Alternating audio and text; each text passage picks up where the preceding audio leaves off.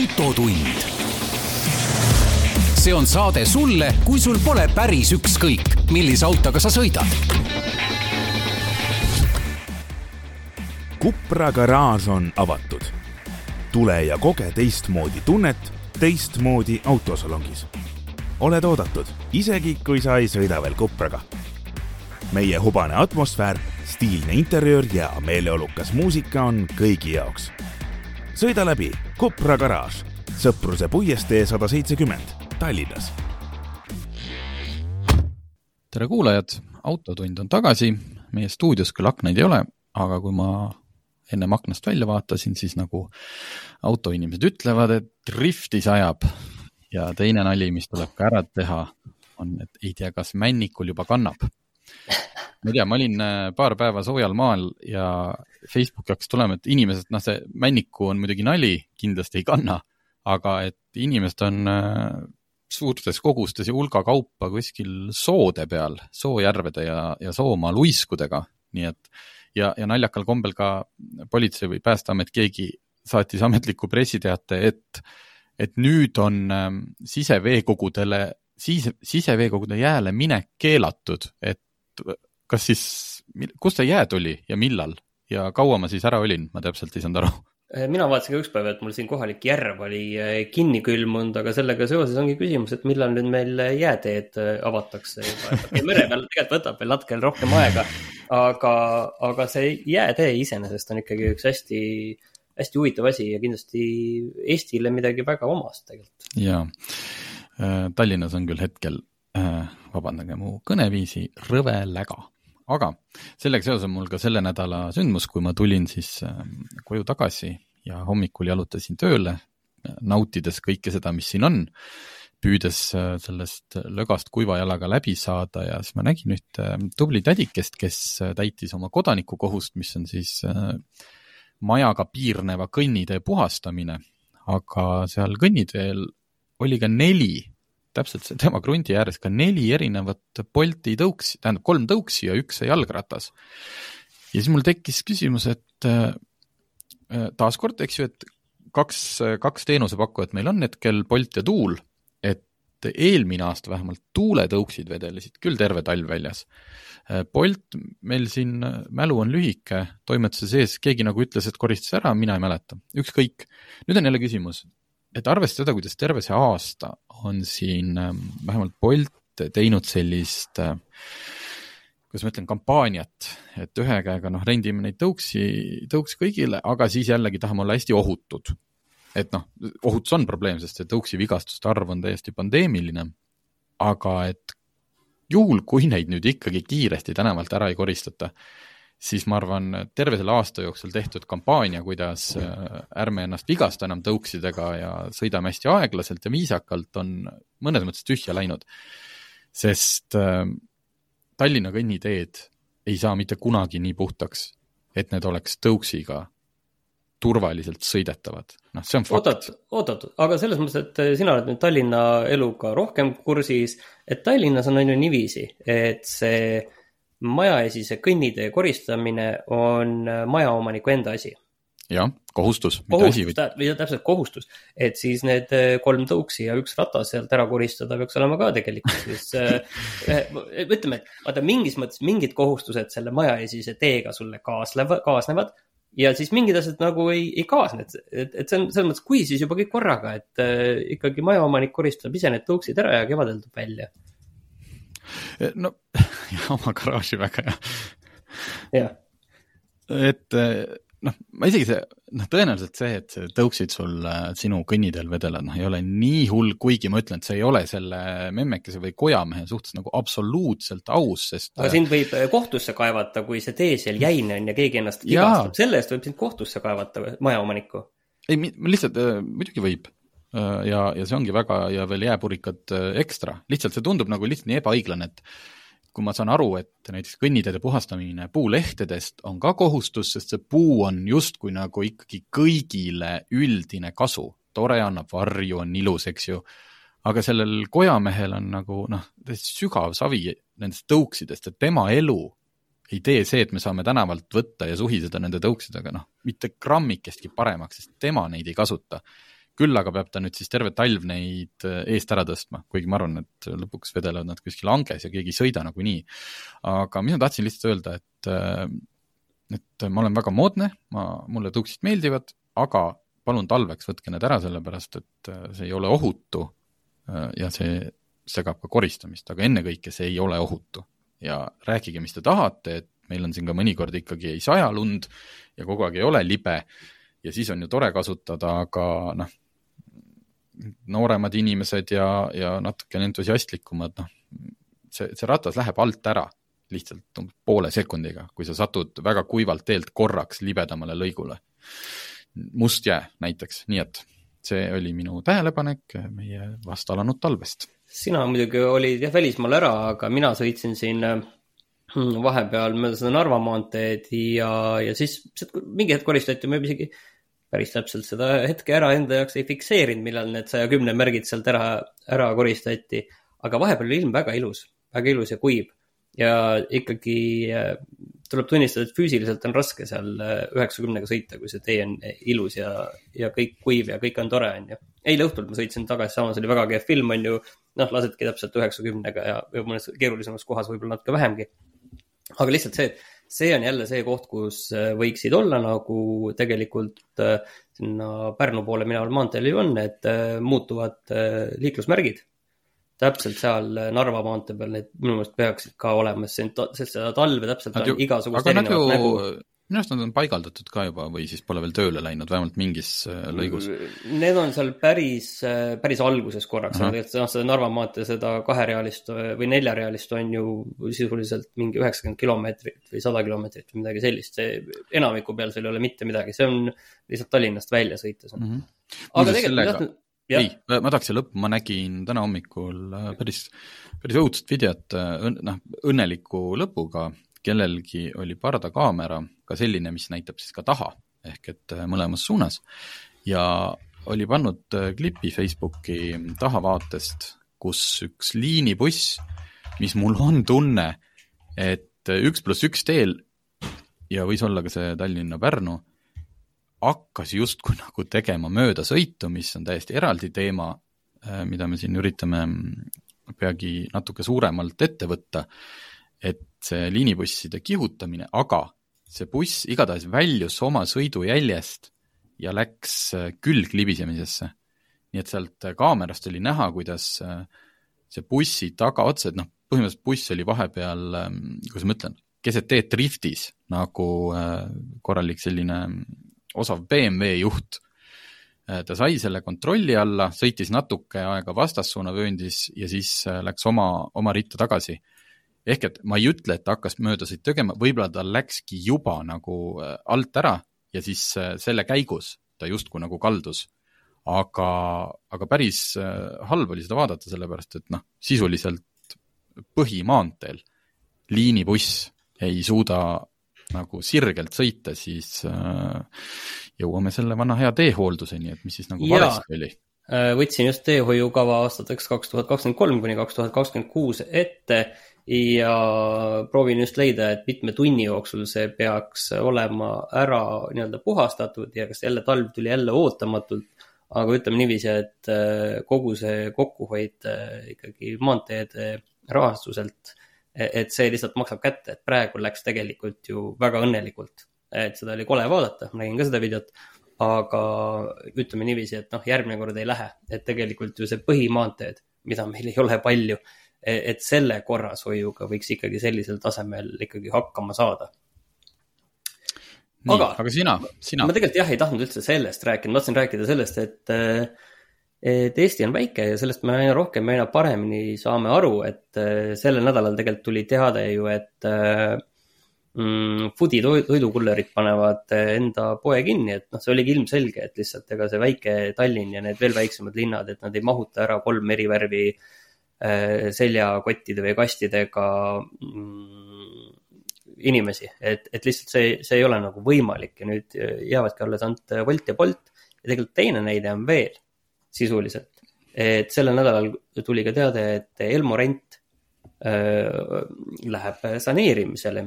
et noh, see saneerimine on üks selline äh, keeruline asi aga mis see ikkagi sisuliselt nüüd ikkagi tähendab, on see, et saneerimisele läheb see Elmo Rendi nii-öelda emaettevõte, millel on erinevad tütred, nendes ühes tütres on, on see rendiäri ja teises on see mm, tehnoloogia, mis on neil nii-öelda see ähm, mitte isejuhtiva, vaid see kaugjuhtiv, kaugjuhitav autolahendus. noh, tead see küll, et sa oled neid reklaame kindlasti näinud, et mm, -hmm. et see Elmo Rendi auto sulle tuuakse tunni ajaga kaugjuhitavalt ukse ette. Et see on olnud selline tore reklaamjutt, reaalsuses on mõned autod, mis seda teha suudavad. ja, ja lihtsalt nüüd see saneerimine sisuliselt tähendab seda, et nad otsivad nendele mm, nendele tütarettevõtetele, äh, kas siis äh, äh, mingit suurinvestorit või siis üldse need ärisuunad maha müüa tegelikult ja noh, saame näha, mis saab selles mõttes, et aeg selleks kahjuks või õnneks on väga halb tegelikult. kas ma eksin, kui Elmo Rent tegelikult vist oli esimene, ta ei olnud, et, et Bolt Drive ja tähendab Citybee tuli ja siis tuli Bolt Drive ja Elmo Rent oli, oli kõige esimene tegelikult, kes seda hakkas niiviisi sellisel kujul renditeenust pakkuma. aga minu, ma ütlen, minu veel avamata startup'i nõuandla, ma oleks võinud öelda Foodile, et äh, siin ei ole teil teha midagi ja ma võiks öelda ka Elmo Rendile, mitte et teil ei ole siin teha midagi, aga see mudel, mis alguses vist isegi oli selles mõttes nagu heade kavatsustega, et nad alustasid nagu elektriautodega või vähemalt promosid põhiliselt oma lühirendist seda elektriauto asja.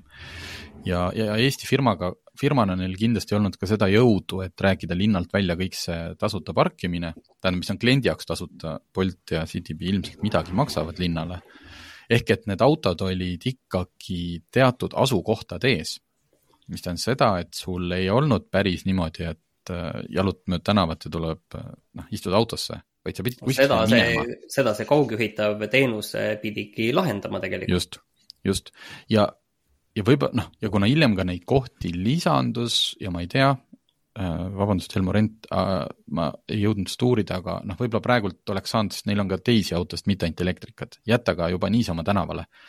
aga lihtsalt see tehnoloogia areng on nii kiire, et kui tarbija harjub sellega, et ta saab selle auto peaaegu igalt poolt võtta, siis noh, miks ma peaksin omale panema selle kolmanda äpi ja käima kuskilt neid võtmas, eriti kui CityBee ja, ja Bolt Drive'i valikus on nüüd ka elektriautod, mis mm -hmm. ei istu kuskil kindla laadija küljes. et selles mõttes mõnes mõttes kahju, aga, aga jah, et selline, et nad nagu andsid tarbijatele idee, et niisugune asi võiks ju täitsa toimida ja siis tulid kaks suurt hiiglast ja sõitsid lihtsalt üle mis kindlasti oli tänuväärne, oli see, et tegelikult ma arvan, et Elmo rendi, selle rendikaga äh, väga paljud inimesed said enda esimese elektriauto sõidukogemuse. Tegelikult, et lihtsalt okei okay,, ma siin paariks tunniks selle võtan ja, ja saan aru, et mis, mis loom see selline on ja, ja siis annan tagasi.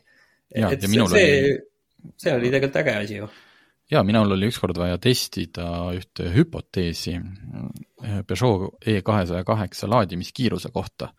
ja mul oli vaja seda testida kohe ja ilma nagu esindust sellesse kuidagi segamata.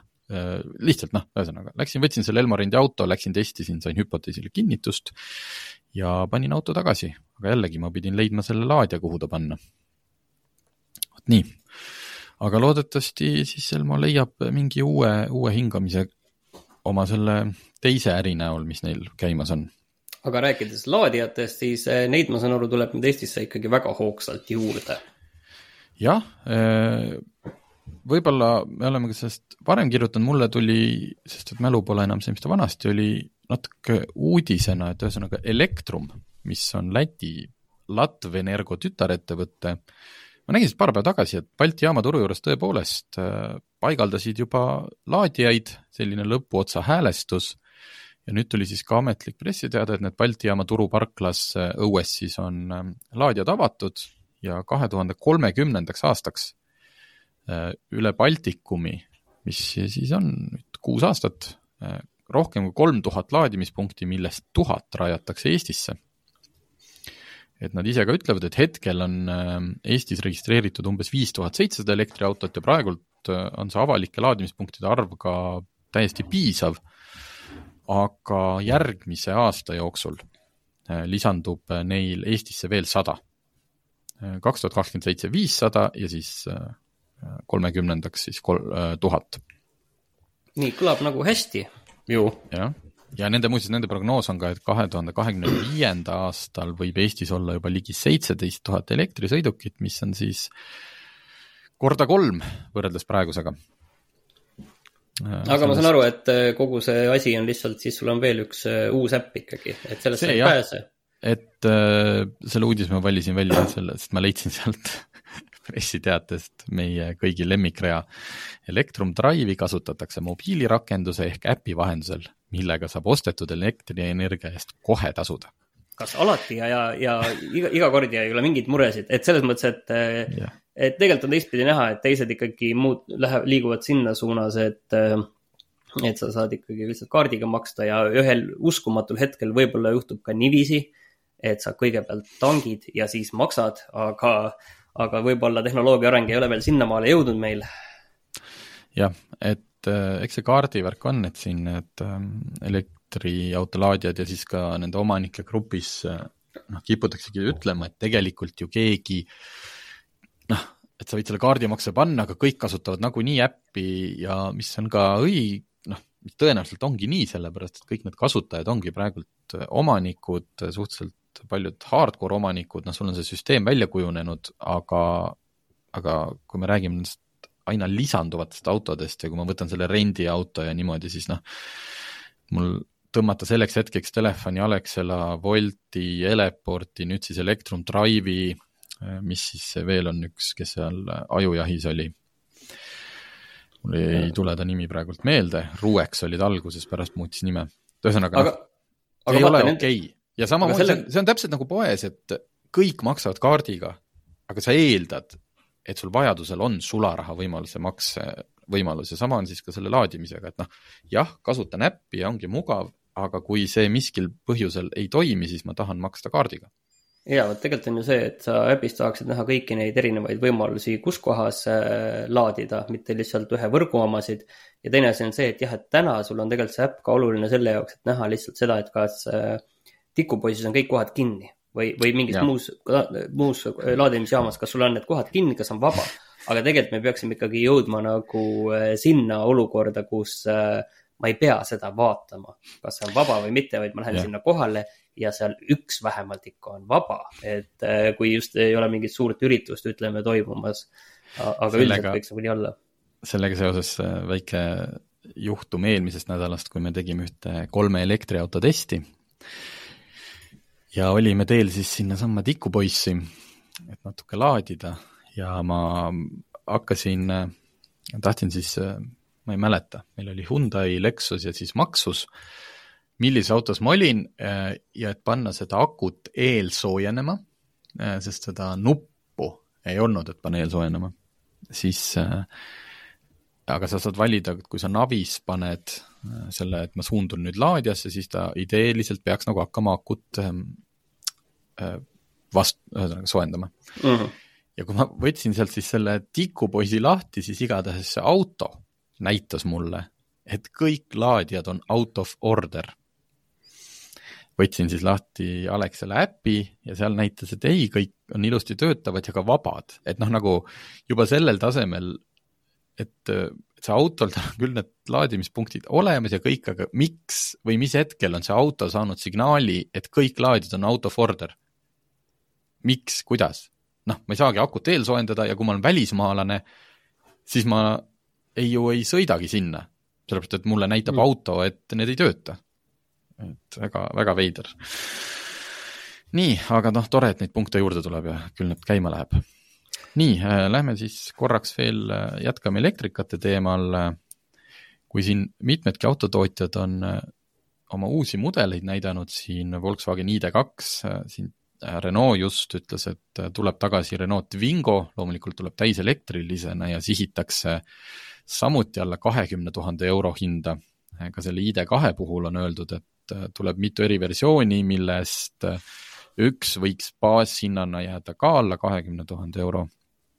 Siis nüüd on Volkswageni enda, enda, enda juht seda entukat natukene maha tõmmanud või noh, võib-olla neil oligi kogu aeg teada see, aga äh, Reutersi vahendusel siis saime teada, et paari äh,, ah, Volkswagen tegevjuht Oliver Blume, et selle eesmärgini jõutakse käesoleva kümnendi teises pooles, ehk siis pigem me räägime kakskümmend kuus, kakskümmend seitse, kus hakkaks päriselt tulema selliseid autosid, millega kannataks sõita, mis ei ole päriselt sellised mopeedauto mõõtu, sest isegi äh, kui see Dacia Spring tuli, siis oli ta ju kaheksateist tuhat.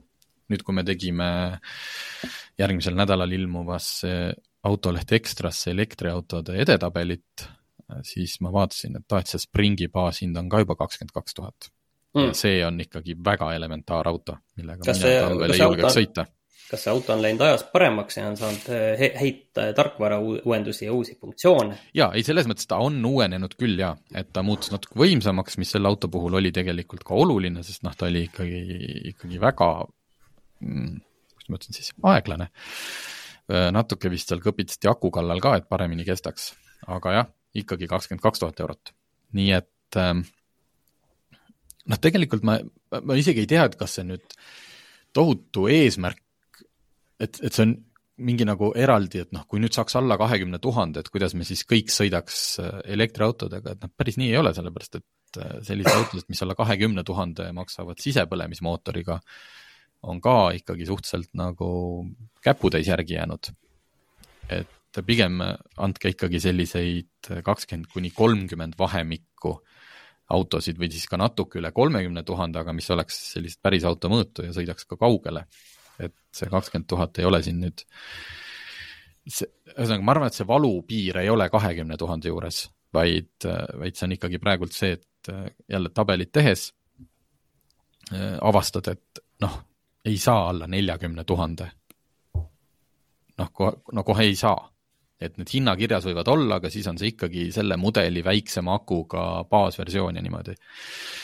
et äh, proovime siis kõigepealt ikkagi saada kolmekümne tuhande juures need autod valmis ja siis sealt hakata edasi tulema. vot, nii et ärge veel poodi tormake oma kahekümne tuhande euroga, te ei saa mitte midagi. Hmm. sina kunagi ikkagi, mina tean, et olid suur Top Gear'i vaat-, vaataja, aga kas sa seda viimasel ajal ka vaadanud oled? Ma olen vaadanud ära kõik Top Gear'i erinevad, selles mõttes hooajad, kus on olnud kõik need erinevad äh, saatejuhid ehk siis alates sellest kangest kolmikust, siis tuli edasi üheks hooajaks tuli sinna Chris Evans äh,, oli vist Chris Evans äh,. on küll, ei, kas Chris Evans, mis on selle näitleja nimi, kes Captain Americat mängib? on vist Chris? jah. okei okay,, mitte tema, aga üks Briti raadiosaatejuht tegi ühe hooaja, siis tulid sinna hästi palju erinevaid, oli seal nagu kaassaatejuhte, oli seal vist juba Matt LeBlanc tuli toona Äh, siis pärast seda äh, olidki Matt LeBlanc äh, ja Chris Harris, Rory Reed, Sabine, nüüd kadunud Sabine Schmitz ja siis lõpuks said nad paika päris mitmeks hooajaks väga hea kombinatsiooni oli tegelikult, oligi Chris Harris ja siis oli kaks, üks, üks kriketimängija mul on täielik aju, see mul olid kõikide nende nimed ju peas. ja ma ei suuda ühtegi nime praegult välja hääldada, mis on natukene piinlik, et ma pean siin saate ajal otsima. ühesõnaga, see viimane kolmik oli tegelikult päris hea. muidugi, noh, alati on see, et ikkagi nii hea ei olnud kui Clarkson Hammond May, aga äh, kindlasti mitte olnud piinlik. tegid ägedaid asju, neil tekkis oma selline väga hea sümbioos Äh, Freddie Flintoff ja Paddy McInnes. aga selle viimase kolmiku kõiki hooaegu ma pole näinud ja sellel on tegelikult äh, väga lihtne põhjus. et ma mingi hetk lihtsalt ei viitsinud enam selle Pirate Bay'ga jahmerdada. Sellepärast, et ma olen jõudnud noh, elus punkti, kus mul on ikkagi Netflix on ilusti võetud, seal Disney pluss ja kui ma tahan midagi vaadata, siis ma vaatan seda ausalt, otse ja mugavalt, ehk et võtan oma telekapuldi ja hakkan vaatama. Äh, neid äh, uuemaid osasid ei ole Eestisse veel jõudnud. ma ei tea, kas üks või kaks viimast hooaega. Äh, aga need olid head, aga nüüd tuli uudis, et Top Gear, ma teadsin tegelikult, see oli tegelikult pikalt juba teada, on läinud teadmata ajaks pausile. ja põhjuseks tegelikult see, et viimast hooaega filmides Freddie Flintoff äh, tegi päris karmi avarii, äh, seal pole palju detaile avaldatud, teada on, et ta sõitis Morgan three-wheeleriga, mis on see Morgani kolmerattaline auto. Äh, vist oli äkki sada kolmkümmend miili tunnis ja tegi avarii, mis on päris karm avarii, arvestades, et noh, sellel autol ei ole katust ja eriti mm. ka mingit struktuuri. ja vist oli ka see, et kuna tal oli lahtine kiiver, mitte, selles mõttes rihm oli kinni, aga ei olnud seda näokaitset et ta sai päris karme näovigastusi, temast on, ta on siin viimasel ajal pildile ilmunud, on, on kohe näha, et nägu on korralikult üles ehitatud. ja ühesõnaga noh, pärast seda pandi see muidugi pausile, et vaatame, mis saab, noh, tegelikult ka kui Hammond oma, oma suured avariid tegi, eriti pärast seda Tracksteriga, oli, noh, oli ka paus, aga tuli kiirelt tagasi. pärast seda õnnetust et ma kuulan ühte Chris Harrise podcast'i, siis ta seal, seal podcast'is nagu juba ütles niimoodi, et, et ma pean, noh naljaga ütles aga, et kuna ma olen nüüd töötu, et siis ma pean mõned oma autod maha müüma. ehk tegelikult andis juba vihje, et tema tõenäoliselt teadis, et seda, seda, seda tööd nüüd praegult rohkem ei ole. ja nüüd siis andis BBC ametlikult teada, et see asi on pausile pandud. olen lugenud ka mingeid selliseid vihaseid arvamusi ja mitte arvamusi selle poolt, et see auto peaks, või et see autosaade peaks jätkama, vaid vastupidi, nagu sellised ah,, kuidas ma ütlen, kasutame sõna woke, sellised radikaalsed woke maailma esindajad ütlesid, et see, noh, selline saade oleks ammu pidanud juba ära keelatama, isegi enne seda, kui seal inimesed viga hakkasid saama, promoda midagi, mis äh, ütleme, glorifitseerib siin äh, bensiini põletamist ja kihutamist ja kõike, et see ei ole üldse okei okay.. ja nüüd nad noh, kuidas ma ütlen, mitte ei saanud oma tahtmist, aga, aga nii ta praegult läkski. mina loodan, et see kunagi pühitakse tolm sellelt saatelt ja tullakse täiesti uue hingamisega tagasi, tehakse mõned järeldused, kuidas seda asja turvalisemalt teha, et tegelikult saaks teha head autosaadet äh, ka niimoodi, et võib-olla noh, et mehed ei pea ennast viimase piirini viima. sest see Freddie Flintoff, äh, ta ise ühes saates rääkis ka, et tal justkui nagu puudub ohutunne. ja, ja need osad, mis ma näinud olen, et tavaliselt kõige, kõige nagu ohtlikumaid või lollimaid asju tegigi just Flintoff.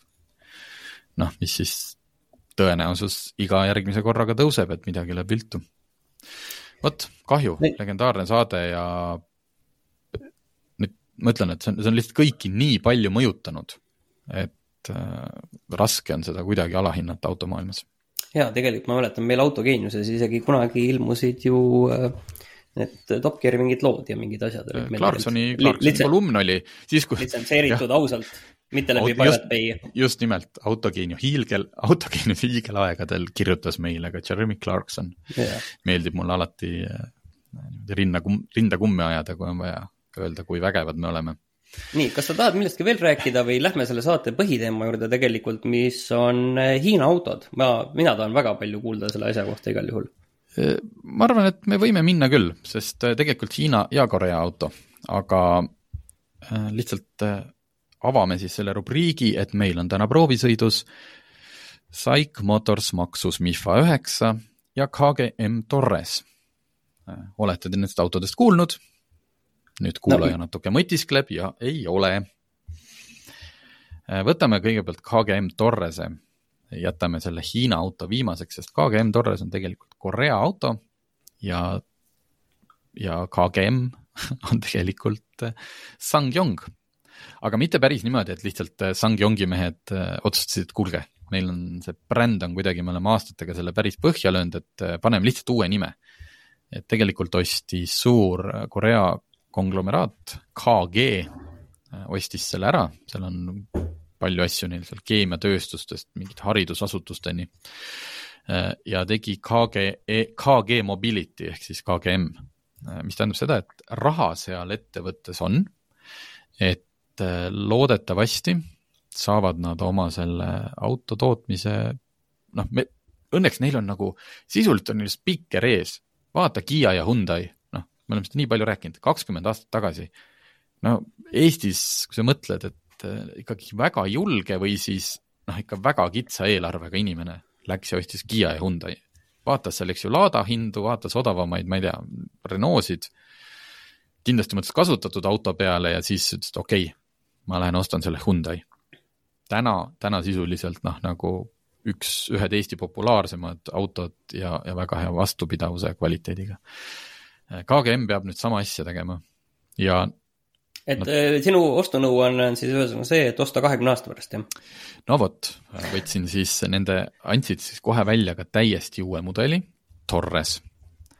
Põhimõtteliselt suuruse ja kõige järgi ja ka ise nad positsioneerisid, kui meil oli seal suur esitlus, positsioneerisid ennast sellesse klassi, kus on Honda CRV ja RAV4. aga nad on võtnud rohkem sellise äh, robustsema lähenemise, ehk siis see Torres on äh, tõenäoliselt äh, võiks olla maastikuvõimekam kui RAV4 või CRV ja, ja ma arvan, et ta natukene sinna niisugune Subaru Forester äh, auku läheb äh,.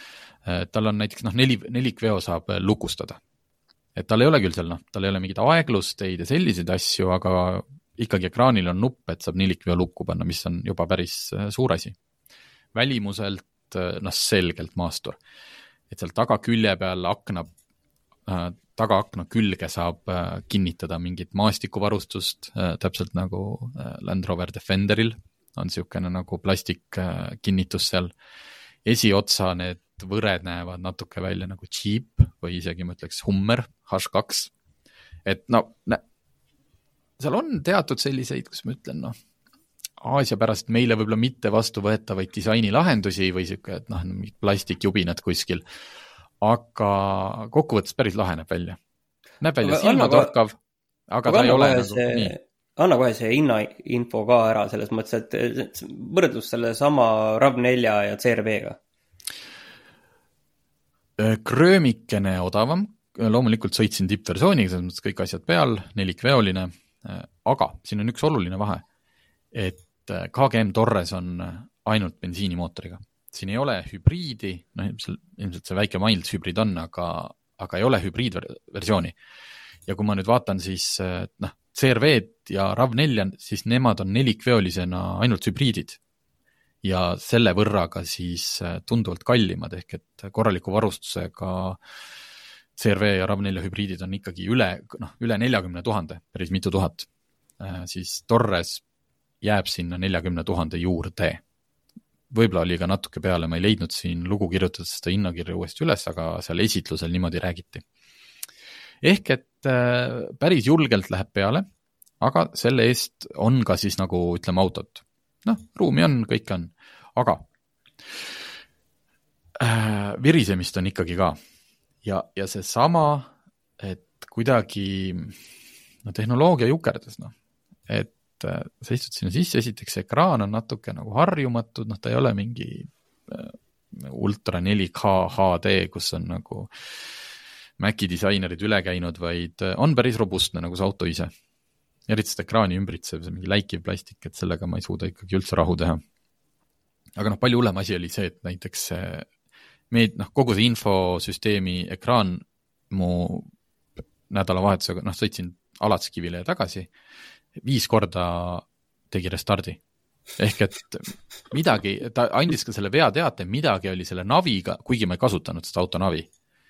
ütles, et on mingi ja tema nüüd reboot ib, noh, no tore, lihtsalt reboot'is päris kaua ja siis sa pead uuesti jälle nii, et mul noh, Bluetooth'ist, ma ei tea, podcast mängis, siis ma pidin jälle minema, lülitama selle asja Bluetooth'i peale, et nüüd lase siit, et hästi tüütu. noh, kohe üldse ei meeldi, et see nii on. siis ähm, et see, see nagu teine asi, noh, mis ilmselgelt on seotud sellega, et ei ole hübriid, aga mul oli nagu ainult maanteesõit ma ei, mul oli abikaasaga autos, mis tähendab seda, et ma sõitsin eriti rahulikult. ma ei käinud kuskil mudas müttamas sellega. Äh, noh, nagu sa lähed, Tallinnast hakkad minema, kõigepealt kiirteekiirus ja pärast tavaline maanteekiirus. ja keskmine oli, lõpuks oli üheksa koma kuus liitrit sajale, mille sisse linnasõitu peaaegu ei jäänudki. ja see on äh, natukene vähe. et äh, tähendab, selles mõttes mitte natuke vähe, vaid natuke vähe ökonoomne mm. -hmm. et üheksa koma kuus täna sellisel tavalisel linnamaasturil, ma ei tea, isegi, et me oleme siin kurtnud, Subarul on nagu kahe koma viiene mootor ja CVT kast ja et noh, võiks nagu ikkagi, et päris janune, samas ei ole võimas. aga me oleme seal saanud ikkagi selline natuke üle kaheksa liitrise ajale. ja Subarul on samuti ju kogu aeg nelikvedu et natuke palju. ja mis siin mingeid asju oli veel, midagi ma teile chatis jagasin, kas sulle meenub, üks kolmas asi oli veel, mida ma kurtsin. ei tule meelde ah, kahjuks. üks asi oli see, et äh, see uue auto lõhn oli minu, minu jaoks seal Torreses ikkagi liiga tugev, ehk kui sa tunned äh, autos mingit lõhnamist, siis tähendab seda, et noh, ilmselgelt on need materjalid ju millegagi immutatud ja kui sa tunned seda väga tugevalt, mis tihti on Hiina autode probleem või selliste odavate, siis noh, ma ei taha teada, mis peenosima seal, noh, loomulikult, nad on kõik sertifikaadid saanud, nad on kõik testid ja proovid läbinud, et see ei ole nagu mingit selget mürki see seal sisse ei hinga, aga mikroskoopilisel tasemel, noh, ma ei tahaks seda lõhna tunda äh,. huvitavaid lahendusi, näiteks kliimaseadmel sul ei ole nagu neid no, nuppudega, et aga, et selle on tehtud eraldi ekraan, kusjuures väga ilus mm., selge kliimaplokk on seal käigukangi ees, väga nagu selles mõttes, et noh, jätab mulje, nagu tegemist oleks palju kallima klassi autoga. et ma lihtsalt mõtlen, et kas odavamalt ei oleks saanud lihtsalt kliimanupud panna põhilised ja siis ülejäänut juhtida sealt suurelt ekraanilt. ja naljaks oli see, et kui sa seal kliima, sellel paned siis ma ei tea, pluss-miinus seal omale kraadi, siis korraks viskab ta sellesama kliimaekraani pildiga põhiekraanile. et noh, miks see, miks see vajalik on, noh näiteks kui ma seal juhuslikult, ma ei tea, navi või midagi käib, et äh, sihuke veider lahendus. see on äh, üldiselt tüüpiliselt minu arust sellised asjad, kus alguses on mingi teine idee tegelikult aga siis reaalsuses on äh, aru saada, et okei okay,, et äh, lõpuks paneme mingi asja kokku ja jääb see ka, sest tegelikult disainis on juba see ekraan ja auk olemas, aga see funktsionaalsusest, noh, tegelikult lahendame kuidagi teistpidi ja las siis jääb ja olgu siis nõnda. tead, mulle meenus praegu, et ma olen ju viimasel hakan-, ajal hakanud äh, vanasti tegin ma seda peast, nüüd ma olen hakanud ikkagi Google Keepis märkmeid tegema. selleks, et ahah kirja olen pannud siia, et väga kõrge lagimistamise, et pikkadel inimestel on kõvasti pearuumi. olen siia kirjutanud isegi, et ka kauboikaabuga saaks sõita, kui uksest sisse pääsed. põhiline asi, lisaks sellele, et ekraan tegi restarti, mis mind terve sõidu häiris. ilmselt on see parandatav ühe käiguga teenindusse, aga miks sellise asjaga auto peab üldse sealt tehasest väljuma? saad aru, rool on viltu mm.. sõidad sirgel teel otse ja rool on umbes kaks kraadi vasakule, noh, et pika peal harjud ära, et tead, kuidas hoida ei... selles mõttes, et alguses on veider ja vajud kogu aeg ära ja natukene hoiad kogu aeg vastu, aga, aga harjud ära ju sellega. ma tean, mul oli ka kunagi ühel vanal selles... autol nii. just, et noh, see lihtsalt häirib, eriti kui sul on mingi selline obsessiiv, obsessiivkompulsiivne häire kasvõi väiksel tasemel, siis sa sõidad sirgel teel ja su rool on viltu ja sa üritad seda sirgeks keerata ja siis sa saad aru, et siis sa hakkad paremale kalduma. et ei meeldinud see ehk siis kokkuvõte, äh, tegelikult äh, mulle meeldib, et äh, KGM lähenes või noh, püüab leida oma kohta, oma niši, ehk siis seesama, kus praegult võib-olla siis Subaru suhteliselt üksinda, ikka natuke maastikuvõimelisema autoga, on väga praktiline ja kõik, aga need mingid pisiasjad, mis noh, uutel mudelitel alati on hädad, noh, lapse hädad, et tegelikult öeldakse, et kui sul just noh, mingit väga põlevat põhjust ei ole, et siis äh, mingite autode puhul ikkagi oota aastake, enne kui sa nagu selle ostad. et siis on mingid laps, laste haigused on välja ravitud ja ma arvan, et sellesama ekraani restardi saavad nad kohe varsti tarkvara uuendusega korda, leiavad selle koodijupi ülesse, mis viga viskab. ja, ja ma arvan, et ka need roolid saavad nad sirgeks. aga sellised tähelepanekud olid alguses muidu kihvt, tahaks selle, mingi hetk selle Torresse võtta ka sellisesse maastikuautode testi. et äh, just võtta need tavaklassi nelikveolised ja minna nendega natuke Mustjõel või kuskil mütata, et näha, kas see tagaveo lukustamine ka kuidagi aitab või on see lihtsalt hea turundusnõks. nii. aga lähme Hiinasse. pearoa juurde. Ehm, Eestisse on jõudnud Maxus, ma olen paaris saates rääkinud, Maxus ehm, on siis, kuulub SAIC Motorsi alla. noh, SAIC Motors, noh, võtame siis nagu Euroopas on Stellantis ja on Volkswagen Grupp, siis SAIC-i alla kuuluvad ka erinevad elektriautod ja maksusega on otsustatud tulla Eestisse ja päris võimsalt, mis tähendab seda, et Eestis on juba kohal kolm erinevat sõiduautot ja kui ma ta ära viisin, siis ma nägin, et on kohale jõudnud ka juba esimesed tarbesõidukid, mis on siis United Motorsil, kes neid äh, toob, ka plaanis eraldi, noh, kohe ka tarbesõidukite turule tulla. me oleme pikalt üritanud saada tegelikult testi ikkagi maksus EUNIC kuute, mis on selline samuti RAV4 mõõtu elektrimaastur. Äh, siis on olemas ka EUNIC viis, mis on mahtuniversaal ja siis on Maxus Mifa üheksa, mis on luksusbuss, umbes nagu see Lexus, millest ma siin ükskord rääkisin. ja kuidagi äh, see telefonimäng ja asjad läksid selleni, et ma läksin võtma EUNIC kuute, aga mul oli kirja, aga mul oli broneeritud Mifa üheksa ehk siis see luksusbuss. no on nagu on lähme siis luks-, Hiina luksusbussiga pikemale ringile. oota, aga see, mina tahaks nüüd alustada sellest, et äh, kui sa nüüd äh, sellesse maksusesse istud sisse, et kas sa kuidagi saad aru, et see on nüüd nagu selgelt Hiina auto? kasvõi, et see ei ole Lõuna-Korea auto, kas seal on mingi selline asi, mis on kuidagi teistmoodi kohe või tegelikult ei ole? ei no niimoodi ei ole, sest need äh, autosid on nähtud elus palju ja noh, mis see tänapäeva auto tähendab, see tähendab, sa istud sisse, sul on juhi ees on üks ekraan ja siis keskel on üks ekraan. Ja nüüd on siis küsimus, noh, kes kuidas vi vigurdab, eks ju, et Mercedes on pannud terve selle armatuurlaua ekraane täis, kellel on suur telekas püstises asendis, kellel on pikali asendis. mida ma selle maksuse puhul panin tähele või siis jäi silma, on see, et see auto maksab äh, umbes kaheksakümmend tuhat eurot.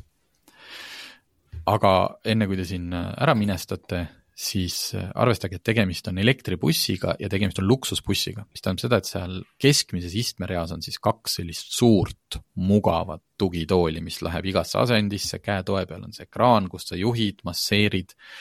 ehk et noh, ilmselgelt ta ei olegi nagu eratarbijale, ta on mingi niisugune hotellitransferid või taksobuss. kaheksakümmend tuhat eurot, aga siis see ekraan, mis seal keskel on, no see oli ikkagi võrdlemisi väike. noh, ta oli ikkagi ähm, noh, on näha, et nagu kuskilt on kokku hoitud. mis on selles mõttes okei okay,, et mul ei ole seda telekat tegelikult sinna vaja. aga lihtsalt sa eeldad, et moodne kallis elektriauto, et siis see on niisugune suur äh, terav ekraan, äh, oli päris väike. nuppe hästi vähe, mis mind muidugi häirib. Äh, mind häirib ka see, et sellel autol, see on nüüd üks tänapäeval suur koolkondade erinevus jällegi, on pooldajad ja on vastu, mina tahaks, et autos on see käivituse nupp. paljude jaoks on see täielik äh, mineviku taak ja neile meeldib see, et nad istuvad autosse, paned käigu sisse, hakkavad sõitma. Äh, maksusel ei ole nuppu. ja siis mingites olukordades on see ikkagi kuidagi veider, et kuidas ma selle auto nüüd siis käima jätan või kuidas ma ta seisma jätan, juhul kui ma ei lähe sealt auto juurest ära, vaid lähen korraks välja, eks ju. et ähm, no ma ei tea, harjumise asi aga, aga üks tüütu asi oli see, et see auto ei liigu paigalt, kui sul ei ole turvavööd peal.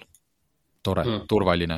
aga näiteks, kui me läksime seda laadima ja ma parkisin laadijast natuke liiga kaugele ja tahtsin kaks meetrit edasi sõita, selleks ma pidin turvavöö peale panema äh, ma tuleksin tagasi nüüd ikkagi äh, saate alguse juurde, kus me rääkisime jääteedest, sellepärast et jääteele selle autoga siis minna ei saa, jah? ikka saab. aga jää, jää, ei, paned selja tagant kinni, selja tagant, ega, ega jääteel okay. sa ka paned selle turvavöö, pead panema selja tagant kinni, sest muidu ta lihtsalt röögib seal. okei okay,, jah, tõsi, tõsi, õige. Äh, aku on tal üheksakümmend kilovatt-tundi ja selle ilmaga nagu oli, ta oli meil niisugune nullilähedane temperatuur. Äh, ka peamiselt sõitsime maanteed, äh, kui ma sellega United Motorsi juurest lahkusin, näitas ta mulle, ametlikult on tal ikkagi natuke üle neljasaja kilomeetri, mulle näitas ta kolmsada neliteist ja võrreldes eelmise Hiinakaga, mis paar aastat tagasi sõitsime, CRS kolm, siis Maxus näitas seda sõiduulatust võrdlemisi õigesti. ehk et äh, see kolmsada neliteist, mis ta siis arvutas esimeste kilomeetrite ja ilm, ilma pealt, ilmselt see oligi realistlik. et ta ei kukkunud nagu niimoodi, et ma sõidan kilomeetri ja tegelikult kukub kolm. et selles mõttes oli hästi. aga mis ei olnud hästi, oli see, et me leppisime, meil oli kolm autot, noh, tahtsime natukene võrrelda, et kui palju siis äh, energiat kulub ja leppisime kokku, et sõidame kõik niimoodi, et paneme kakskümmend üks kraadi ja automaatrežiimi temperatuuri.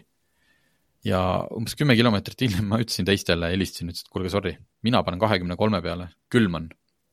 ja tegelikult ei hakanud ka kahekümne kolme juures soe. et me pidime seda edasi veel kerima. mingi hetk ma siis noh, lülitasin seal, et ära sinna taha sektoris või seda kuuti ei ürita üldse nagu soojaks tehagi, ma ei tea, võib-olla oleks pidanud. ühesõnaga see temperatuur, kas on see andur liiga puhuri lähedal, et andur saab nagu infot, et jube soe on, või on hiinlastel mingi teine temperatuuri taluvus, igatahes jah, et kahekümne ühega oli seal autos küll külm äh,. oli veidrusi veel, mis on, tundub nagu see Torrese puhul, mis on lihtsalt mingid bugid, et äh, kiirushoidi äh,, käigukang on nagu Mercedesel, rooli samba küljes äh, parema käe juures, okei okay,, paned käigu sisse, aga sõidu ajal kiiruse hoidiku käivitamiseks on seesama käigukangi kang tuleb alla tõmmata, et seda ikkagi andis leida, sest rooli peal on ka nupud, noh, need tüüpilised mm. resume ja set ja eks ju, noh, see distantsi määramine, okei okay,, leidsime ülesse, kiirushoidik läks peale. aga need nupud, set ja resume ei teinud mitte midagi. ehk et jääd kellegi taha, pidurdad, kiirushoidik lülitub välja, vajutad res-nuppu, mitte midagi. et äh, miks äh, kaks juhti, kahekesi proovisime ja me kumbki ei saanud aru, et mida need nupud siis tegema oleks pidanud. ja kuulsime ühelt äh, kolleegilt teisest väljaandest, ütles, et me selliste kiirusteni jõudnudki, aga et tema kogemus oli see, et kui see kiirus läheb üle saja kahekümne, siis äh, kiirushoidik lõpetab töö mm.. ma ei tea, et kas ta siis noh, jääbki nagu aeglasemaks, võib-olla selle, noh, ta tippkiirus tegelikult ei ole kindlasti mitte sada kakskümmend, vaid ametlike andmete järgi rohkem. et nagu siuksed, siuksed nagu bugid seal olid ikkagi sees. et äh, Bluetoothiga ühendamine oli päris keeruline ja, ja üks meie testijatest enda telefoni ei saanudki sinna külge muus osas, muus osas oli okei okay,, selles mõttes, et rehvimüra ei olnud, ei olnud häirivalt, ei olnud tuulemüra, ta sõitis äh, niimoodi mugavalt, aga mis ei olnud, mis painab küll kõiki, kõiki tänapäeva autosid, on need juhiabid. et loomulikult maksus lärmas ka sinu peal igas asendis, aga see rea hoidmissüsteem, mis automaatselt siis, kui sa hakkad välja kalduma jube vägivaldne. Äh, vist äh, BMW teeb ka seda väga vägivaldselt, ma nägin täna ühte meemi, kus on võetud äh, stseen filmist Mission Impossible, kus Tom Cruise sõidab mingi järjekordse Euroopa väikelinna vahel hästi kiiresti, noh see eestvaade näitab nagu, kuidas Tom Cruise roolib, kuidas ta seal niimoodi higisena ja selle rooliga niimoodi nagu väntab. ja siis juures on kiri, et et see on vaade sellele, kuidas sa reahoidmisabe, abilisega võitled.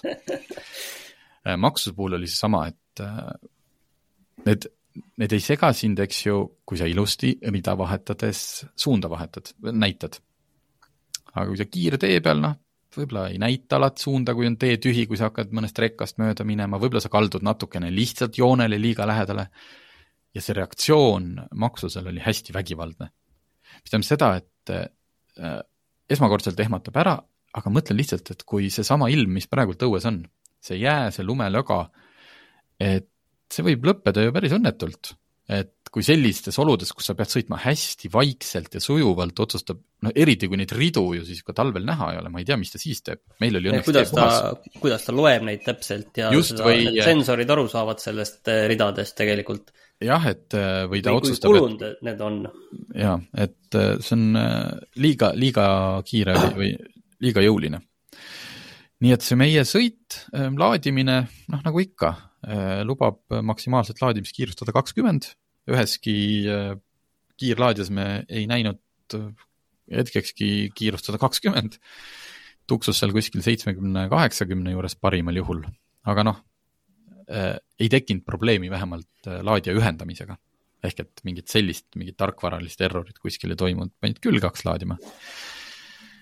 tagaiste muidugi väga mõnus, noh, mis seal, mis seal öelda, kui sul on ikkagi tugitool autosse pandud, et siis selle üle on raske viriseda.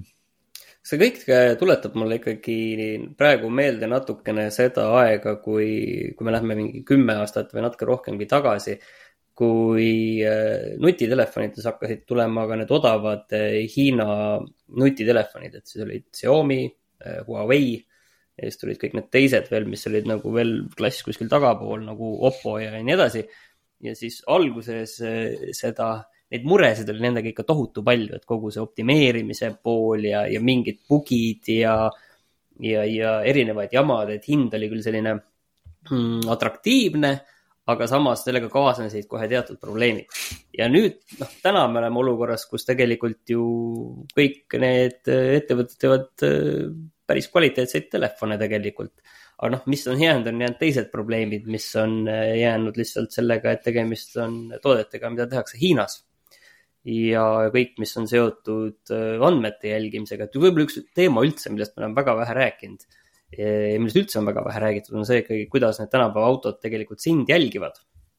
ja, ja mis nende andmetega tehakse ja kuhu need lähevad aga ma arvan, et see asi nende Hiina autode puhul kindlasti saab olema üks, ütleme niiviisi, sõnastan viisakalt, väljakutse no ma mõtlen, et mis, mis andmeid seal, no muidugi, ühendad oma telefoni ära, see on nagu esimene mure, eks ju, et kui sa annad seal autole loa sinu telefoni igasugustele kontaktidele ja sõnumitele ligi pääseda, et noh, see on no, üks viis, aga. on sul vaja veel kaugemale minna või?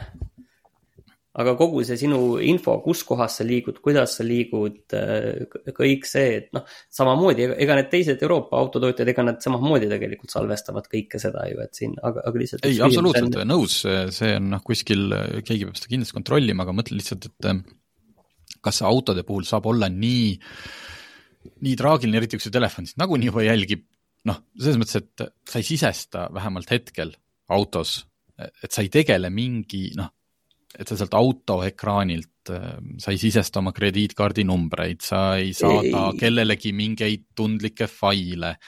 see noh, et see auto ei pääse, no telefoni kaudu võib-olla pääseb, aga see on, enamik meist ju sõidab ikkagi siis ma ei tea, kas iPhone'i või Korea tootja telefoniga, et noh, et et, et ma autode puhul nagu nii suurt probleemi selles mõttes ei näe, et seal liigub palju vähem tundlikke andmeid no vot, see on ikkagi see ka, et eh, kelle käes need andmed ikkagi on, et kas need andmed on eh, mõne eh, ütleme et demokraatliku riigi käes või on nad kuskil mittedemokraatliku riigi valitsuse käes, et, et sellega tekib lihtsalt see küsimus. noh, nüüd on siis jah, et kui Volvot ja BMW-d ja Mercedes toodetakse Hiinas, Teslat toodetakse Hiinas, et noh kas nüüd Hiina end-, no ma ei tea, ma ei, ma kuidagi äh, asju, mille pärast maailmas muretseda on nii palju, et kui ma läheksin omale Hiina autot ostma, siis ennekõike muretseksin ma selle pärast, kuidas see vastu peab, kas mul garantii kehtib, kas see ettevõte, kes seda müüb, tahab seda ka viie aasta pärast parandada,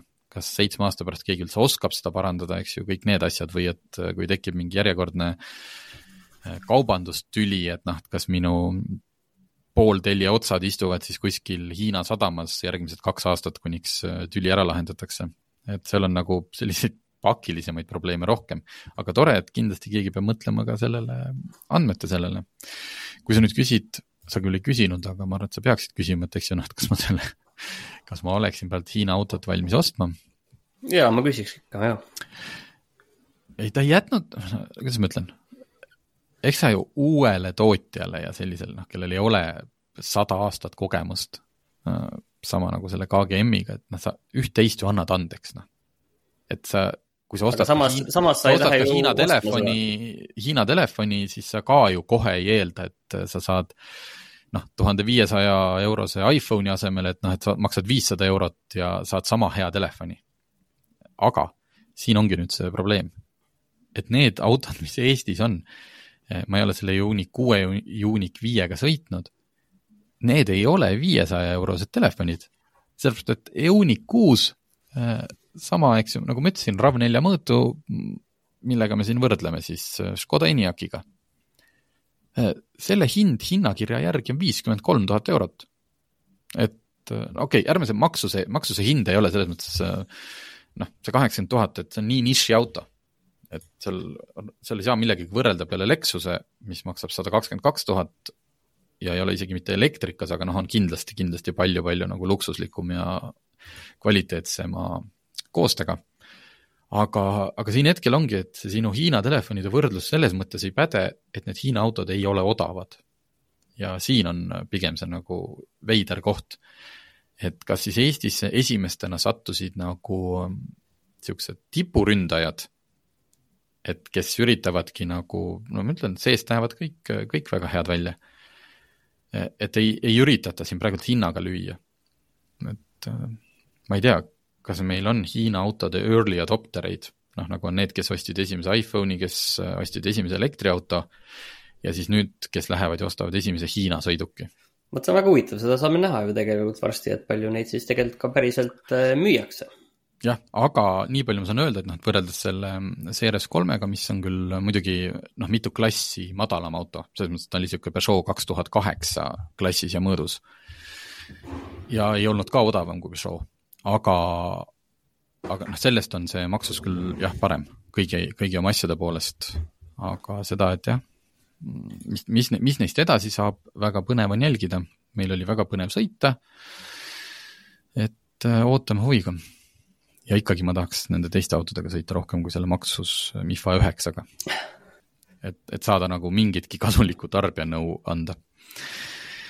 Äh, vot, ma ei tea, mul said teemad otsa. jaa, aga ma sain nende küsimustele ka tegelikult vastused äh, ära mm. -hmm. aga siis selleks korraks äh, on kõik hästi ja kuulame juba järgmine nädal. Kupra garaaž on avatud. tule ja koge teistmoodi tunnet teistmoodi autosalongis. oled oodatud, isegi kui sa ei sõida veel Kupraga. meie hubane atmosfäär, stiilne interjöör ja meeleolukas muusika on kõigi jaoks. sõida läbi Kupra garaaž, Sõpruse puiestee sada seitsekümmend, Tallinnas